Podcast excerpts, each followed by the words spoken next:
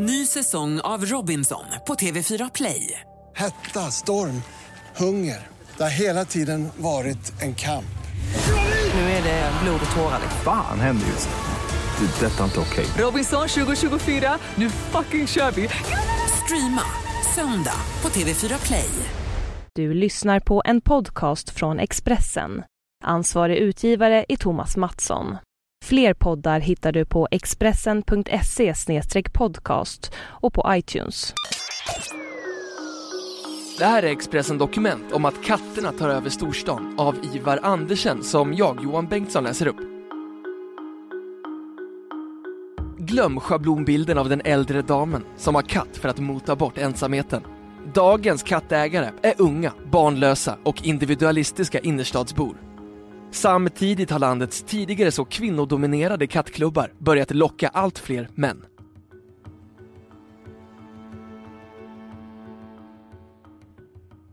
I det forntida Egypten dyrkades den som helig och idag är gulliga kattbilder en av internets mest populära fenomen.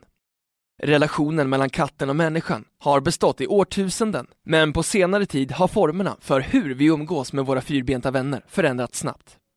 Det var i Mellanöstern för drygt 9000 år sedan som katten först domesticerades.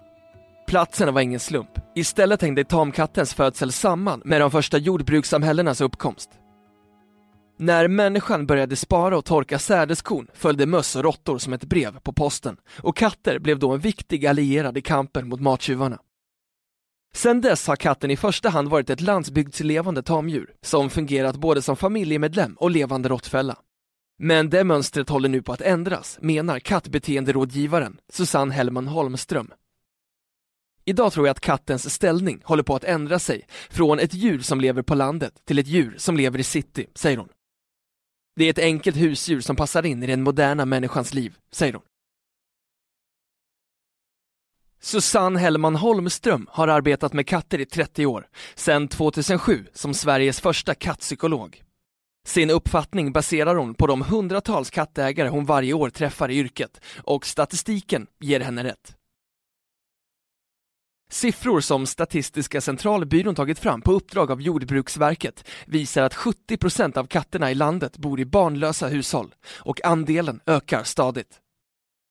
Den typiska kattägaren håller på att förändras, säger Susanne Hellman Holmström. Från den äldre damen som skaffade katt för att slippa vara ensam till det yngre paret. Idag skaffar man barn mycket senare i livet. Ofta både pluggar och jobbar man först och under den tiden är det många unga par som skaffar katt, säger hon.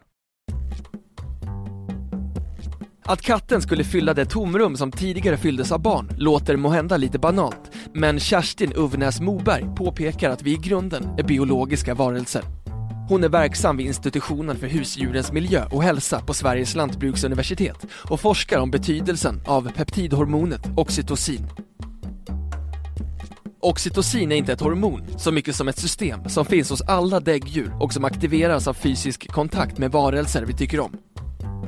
Normalt är det människor, men det fungerar också med djur, säger hon. Utsöndring av oxytocin ger ökat lugn och välbefinnande, samtidigt som det minskar aggressivitet och stress.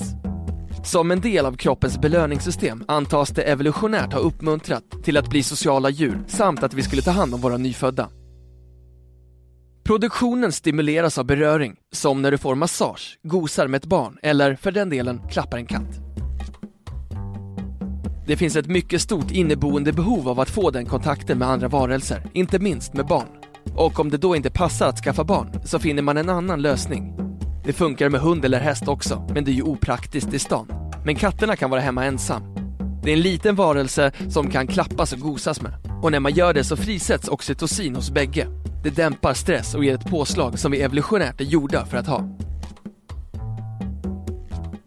Parallellt med att bilden av den typiska kattägaren förändras så är också det mer organiserade kattintresset på frammarsch. Idag samlar landets olika kattklubbar totalt 11 000 medlemmar. Det gör Sveriges kattklubbars riksförbund, Sverak, till det enskilt största nationella förbundet i den internationella kattorganisationen FIFE. Verksamheten är centrerad kring de turnerande utställningar som regelbundet samlar entusiasterna och deras fyrbenta vänner. Tillsammans med de övriga nordiska länderna betraktas Sverige som världsledande när det gäller att avla fram högkvalitativa katter. När Uppsala kattklubb bjuder in till utställning i Östervåla ishall, några mil norr om Uppsala, lockar arrangemanget omkring 260 människor och 300 katter. Katterna tävlar i olika klasser beroende på ålder och pälsens längd. Vissa raser samlar dussintals katter, i andra finns det betydligt färre tävlande. Inger Söderberg från klubbstyrelsen tävlar med sina japanska bobtails. Det finns fyra stycken i landet och jag äger alla. I Japan är den väldigt populär. Hello Kitty är till exempel en bobtail, säger hon. Rasen beskrivs som intelligent och lekfull och svanslös. Till vardags är hon ordförande i idrotts och fritidsnämnden i Uppsala kommun och kattintresset är välkänt bland de folkvalda kollegorna. Men hon håller isär sin egen fritidssysselsättning och det politiska uppdraget. Åtminstone för det mesta. Jag lyckades i och för sig se till att en förening som tar hand om hemlösa katter fick stöd. Det är inte så lätt att driva igenom. Jag är moderat, vi är ju inte så förtjusta i bidrag, säger hon.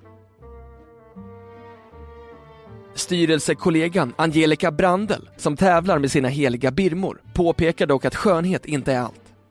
Utställningarna må vara det glamorösa nav som kattvärlden kretsar kring, men vid sidan av tävlingarna bedriver landets kattklubbar ett mer långsiktigt och, enligt Angelica, betydligt viktigare arbete. Det som handlar om att höja kattens status i samhället. Att kattägaren förändras när samhället förändras gäller inte bara storstädernas unga. Exempelvis var kattutställningar länge en kvinnodominerad sport. Men i takt med att samhällets syn på könsroller utvecklats har fler män vågat ansluta sig till subkulturen. För Mikael Ågren från Gävle föddes intresset utifrån nödvändighet. Den nyfödde sonen visade sig vara allergisk, samtidigt behövdes en katt på gården för att hålla råttorna borta. Lösningen blev en sibirier som trots sin långa päls är en allergivänlig ras. Vi skulle bara ha en katt tänkte vi, säger Mikael och himlar med ögonen. Men när vi fick betala 6000 kronor ville vi ju inte gärna släppa ut den för att jaga råttor, säger han. Drygt tio år har gått sedan dess och som mest har Mikael och hustrun Annika haft 22 katter på samma gång. Man blev ju lite nördig. Så är det väl med all hobby. Men det finns faktiskt mycket roligt folk i den här världen. Många original. Snart är man väl ett själv, säger han. Kanske stämmer det som Mikael Ågren säger, att kattägare är originella. 2010 bestämde sig forskare vid University of Texas för att testa den vitt spridda uppfattningen att det är skillnad på katt och hundmänniskor. 4565 försökspersoner fick uppge vilket av husdjuren de föredrog och därefter genomgå ett personlighetstest. Hundägare uppfattade sig som utåtriktade, disciplinerade och lojala medan kattägare uppfattade sig som kreativa, filosofiska och självständiga, säger Susanne Hellman Holmström. Det är kodord som också stämmer väldigt bra in på de djur vi har skaffat.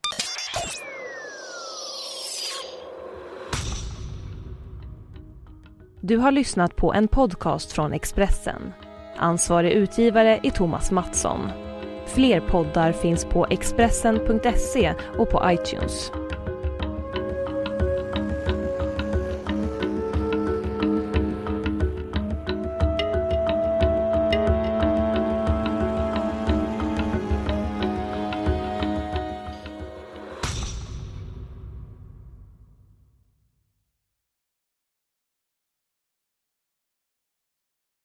Ny säsong av Robinson på TV4 Play. Hetta, storm, hunger. Det har hela tiden varit en kamp. Nu är det blod och tårar. Fan händer just nu. Det. är Detta är inte okej. Robinson 2024, nu fucking kör vi! Streama söndag på TV4 Play.